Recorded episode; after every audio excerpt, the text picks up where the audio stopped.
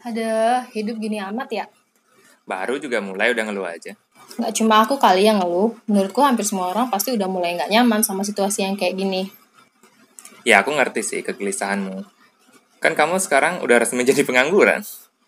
Kalau terus kayak gini dan makin parah, kayaknya dunia bakal hancur sih kalau menurutku.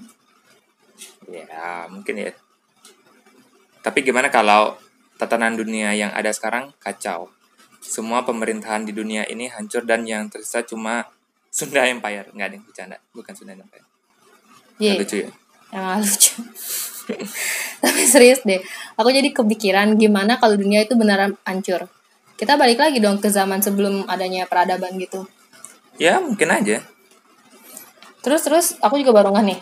Kok bisa sih ada negara? I mean, kenapa manusia zaman dulu bikin negara? Kenapa kita semua nggak hidup bebas tanpa ada perbatasan? Banyak banget pertanyaanmu.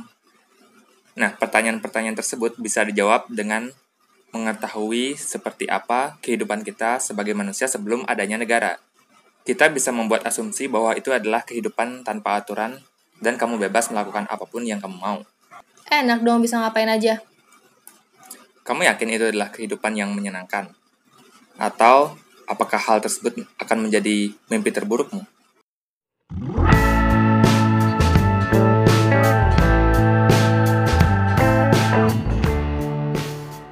Jadi mimpi burukku? Kedengarannya cukup menyenangkan bagiku. Bebas melakukan apa pun terdengar menyenangkan sampai kamu sadar bahwa orang lain pun melakukan apa pun seenak mereka. Iya ya, semua orang punya keinginannya sendiri. Yang mana mungkin akan berkonflik dengan kepentinganku sendiri. Dan dalam filsafat politik dan moral, dunia hipotesis sebelum adanya masyarakat sipil disebut state of nature atau keadaan alamiah. Dan terdapat berbagai versi state of nature ini. Dan yang akan kita bahas kali ini adalah state of nature-nya Thomas Hobbes. Ntar dulu nih, sebelum lanjut, kayaknya kamu harus perkenalkan dulu nih siapa sih Thomas Hobbes ini. Oh iya, Thomas Hobbes adalah seorang filsuf berkebangsaan Inggris. Ia lahir pada tahun 1588 dan dikenal dengan karyanya yang berjudul Leviathan, yang rilis pada tahun 1651. Yang mana di dalamnya dia mendeskripsikan pemikirannya tentang bagaimana dunia tanpa aturan akan terlihat. Dan dia juga mempertanyakan bagaimana sebuah civil society atau masyarakat sipil muncul pertama kalinya di dunia. Jadi kita perdalam dulu nih state of nature-nya versi Hobbes. Jadi kayak gimana menurut dia dunia sebelum adanya peradaban. Oke, jadi menurut Thomas Hobbes, sebelum adanya masyarakat sipil kita hidup bebas, tanpa aturan dan tanpa moralitas. Lalu coba bayangkan kamu hidup di dunia yang seperti itu. Dan suatu hari kamu lapar dan sedang mencari-cari makanan sampai kamu menemukan sebuah pohon apel yang kebetulan hanya masih memiliki satu buah apel. Namun ketika kamu hendak untuk memetiknya, ada seseorang juga yang tertarik, tetapi secara fisik jauh lebih besar dan kuat daripadamu. Menurutmu apa yang akan terjadi selanjutnya? Ya karena nggak ada aturan dan nilai moral ya pastilah direbut dengan paksa. Syukur-syukur aku nggak dibunuh. Yap, Hobbes berpandangan bahwa manusia adalah serigala bagi sesamanya, atau istilah kerennya Homo homini lupus. Itu Latin by the way. Jadi bisa dibilang si Hobbes ini berpandangan bahwa manusia pada dasarnya adalah makhluk yang egois, yang cuma mentingin dirinya sendiri. Iya, tapi nggak juga. Ketika terdapat keadaan tanpa standar moral yang berlaku, perbuatan baik maupun buruk tidaklah ada. Hampir tidak ada lebih tepatnya. Karena semua makhluk hidup pada dasarnya bertujuan mempertahankan hidup hidupnya sendiri, memenuhi hasrat, serta menghindari kematian. Jadi, bisa kita anggap hal seperti mempertahankan hidup adalah perbuatan baik dan uh, kematian adalah perbuatan buruk. Terus berarti yang kuat yang menang dong, kayak hukum rimba gitu. Enggak juga. Thomas Hobbes juga berpandangan bahwa setiap manusia mempunyai bakat-bakatnya sendiri. Ya ada yang secara fisik kuat, ada yang cerdik, ada juga yang lincah dan lain-lain. Karena itu dia menganggap semua manusia itu equal atau setara. Jadi nggak bakal ada yang selalu di puncak. Meskipun ada yang paling kuat, kalau ada puluhan orang lemah yang bekerja sama, orang tersebut pun akan kalah. Oleh sebab itu dia mengatakan manusia akan terjebak pada keadaan perang melawan sesamanya yang berlangsung secara terus-menerus, atau dia menyebutnya war of all against all, perang semua melawan semua. Lebih lanjut, dia mengatakan bahwa industri tidak akan ada, tidak ada budaya sama sekali, tidak ada waktu, tidak ada seni, tidak ada masyarakat. Tentu yang paling menyeramkan dari semua itu adalah ketakutan yang tidak henti, serta kematian yang selalu mengintai. Lalu dia mengatakan, kehidupan pada keadaan alamiah yakni sendirian, miskin, jahat, kejam, dan pendek. Uh, entah kenapa ya tidak terdengar cukup menyeramkan ya. Oke, coba dalam bahasa Inggrisnya aja deh. Life in the state of nature is solitary, poor, nasty, brutish, and short. Udah serem gak? Tapi kan kenyataannya kehidupan kita nggak kayak gitu. Ya, karena kita adalah makhluk yang berakal dan rasional daripada saling waspada satu sama lain, lebih baik kita membuat perjanjian atau kontrak untuk tidak saling menyakiti satu sama lain. Hah, bisa kamu bikin contoh nggak atau situasi di mana kontrak ini perlu dibuat? Oke, bayangkan di depan rumahmu ada pohon apel yang kamu anggap sebagai milikmu.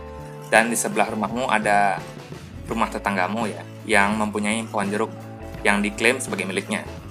Dan tentu kamu akan bosan memakan apel setiap hari dan tetanggamu sepertinya juga begitu. Terus kamu pengen makan jeruk tetanggamu karena kita di state of nature, kita sangatlah mementingkan keberlangsungan hidup kita sendiri. Kita tidak akan mau membagi makanan kita, dan cara satu-satunya adalah mencuri. Nah, tapi karena kita adalah makhluk yang berakal, kita membuat kontrak untuk saling berbagi buah kita. Kamu beri dia apel, dia memberimu jeruk. Jadi, dengan melakukan hal tersebut, kalian bisa memuaskan hasrat kalian tanpa harus terjadi konflik. Nah, semenjak itu, moralitas pun muncul di dunia ini menurut Thomas Hobbes. Jadi, manusia yang berakal akan menyadari bahwa bekerja sama dengan manusia lain akan lebih menguntungkan daripada hidup sendirian yang mungkin akan terjadi konflik. Ya, daripada saling menjaga pohon buah kalian masing-masing, mending saling berbagi dan dengan kekuatan dua orang kalian bisa menjaga pohon buah kalian sehingga menjadi lebih aman. Nah, kalau gitu, seharusnya kita hidup bisa secara komunal dong, saling berbagi satu sama lainnya. Tapi sekarang kenyataannya, kita mempunyai sistem pemerintahan yang harus kita patuhi yang entah dari mana munculnya. Karena, meskipun kita sudah menandatangani kontrak, belum tentu orang yang kita ajak bekerja sama akan selamanya kooperatif. Bisa saja suatu hari kamu akan ditikam dari belakang, karena kamu percaya bahwa dia akan selalu mematuhi kontrak tapi tidak ada yang bisa menjamin sebuah kontrak akan terus dituruti oleh kedua pihak. Nah, jadi maka dari itu kita memerlukan seseorang yang memastikan bahwa kontraknya tidak dilanggar, kan? Ya, tapi bukan seseorang, penguasa lebih tepatnya. Orang yang akan memastikan tidak ada yang melanggar kontrak yang manusia telah sepakati. Bagaimana cara dia memastikan itu? Ya dengan menghukum orang yang melanggar. Tapi jadi kita tunduk pada penguasa tersebut meskipun beberapa kebebasan atau hak-hak kita dirampas. Iya, menurut Thomas Hobbes, kita harus tunduk pada penguasa. Sederhananya, karena state of nature adalah keadaan yang lebih buruk daripada bentuk pemerintahan mana pun.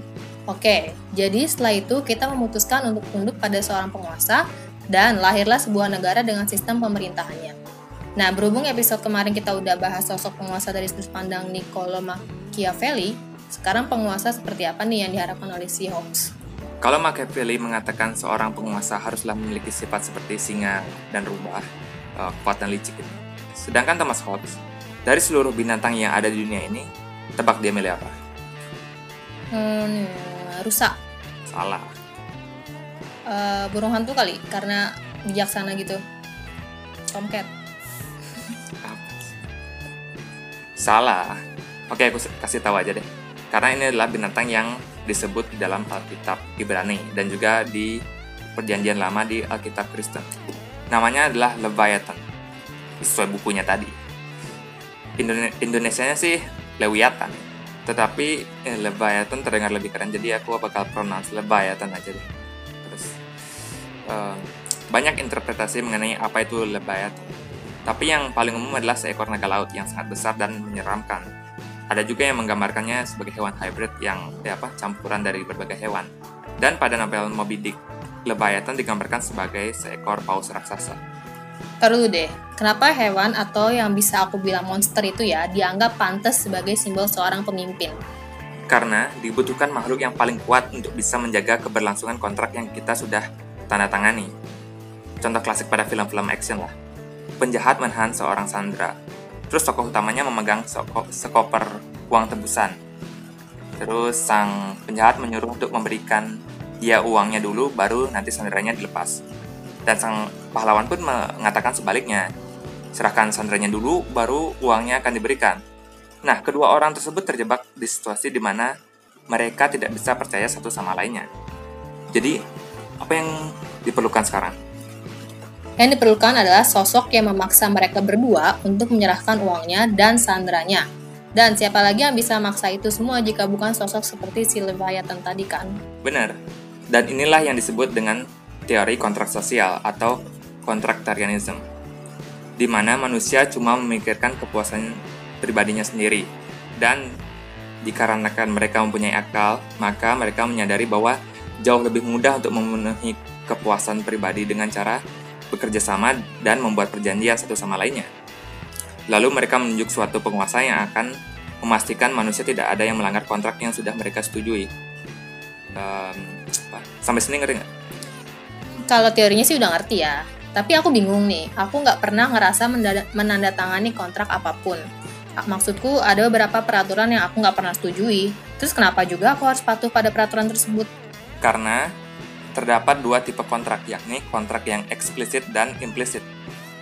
Kontrak eksplisit adalah yang jelas-jelas kamu tanda tangani, contohnya ketika kamu berpindah ke warga negaraan.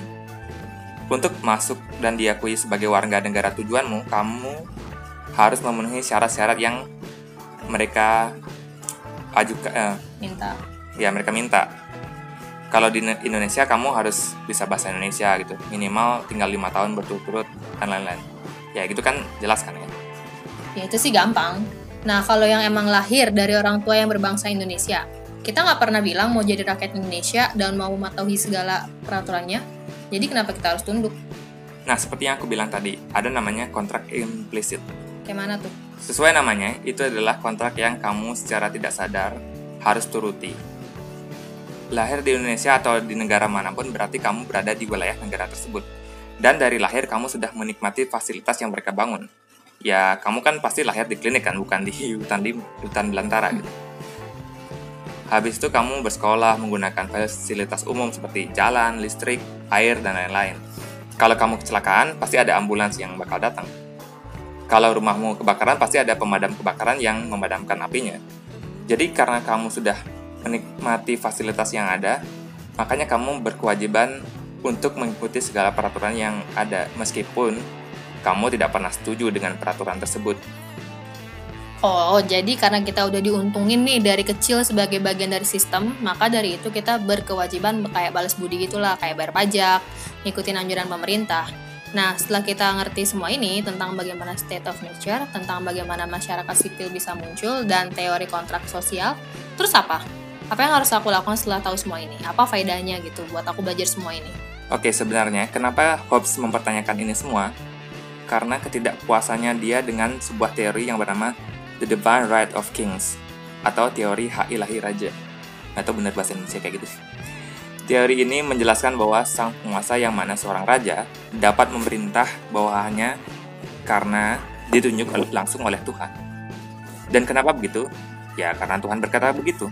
Dan kalau kamu nggak setuju, kamu akan masuk neraka. Jadi Thomas Hobbes menentang teori itu dan mengatakan bahwa sang penguasa bukannya ditunjuk oleh Tuhan, tapi oleh manusia sendirilah yang memberi sang penguasa kekuatan untuk mengontrol umat manusia itu sendiri dengan upaya menghindari kembali ke state of nature tadi.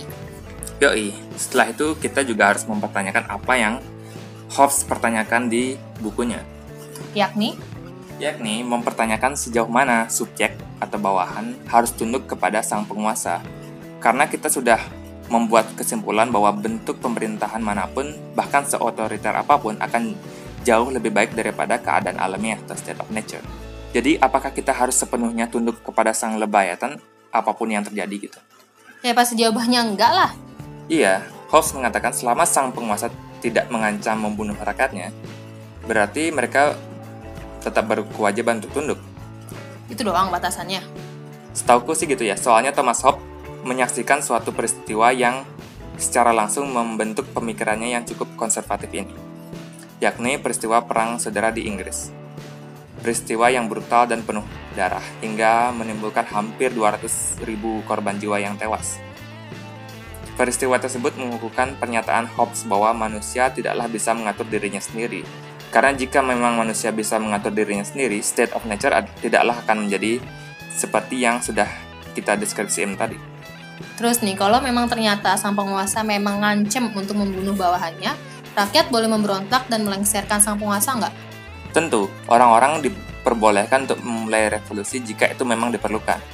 Namun Thomas Hobbes ingin kita sangat berhati-hati dalam membuat keputusan tersebut. Jika tidak, kita bisa saja akan kembali ke state of nature yang harusnya kita bisa hindari selama masih menjadi masyarakat sipil. Oke, menurutku sih udah cukup ya. Aku udah ngerti sekarang gimana dunia sebelum peradaban terlihat dan bagaimana kita memutuskan untuk bekerja sama membuat masyarakat sipil dengan menunjuk seorang sosok Leviathan untuk mengatur kita. Dan aku rasa dengan mengetahui hal tersebut akan membantuku menjadi lebih aware nih dan kritis terhadap kebijakan-kebijakan publik yang dibuat oleh penguasa. Apa pengaruhnya denganku dan apa pengaruhnya kepada masyarakat keseluruhan. Jadi ya nggak manut-manut aja, tapi selalu ngawasin apakah si sang Leviathan ini melakukan tugasnya dengan benar. Good, next time kita juga bakal membahas filsuf-filsuf yang tidak setuju dengan pandangannya Hobbes tersebut, bahwa manusia tidak seegois dan seburuk yang Hobbes jabarkan. Jadi kita nggak cuma menunjukkan satu sudut pandang dari filsafat politik, tapi bukan episode depan ya, bahas yang lain aja sih buat episode selanjutnya. Oke, terima kasih udah mau dengerin. Bye. Bye. Udah, udah bye aja. Coba. Bye. Udah aku udah bilang bye tadi. Bye.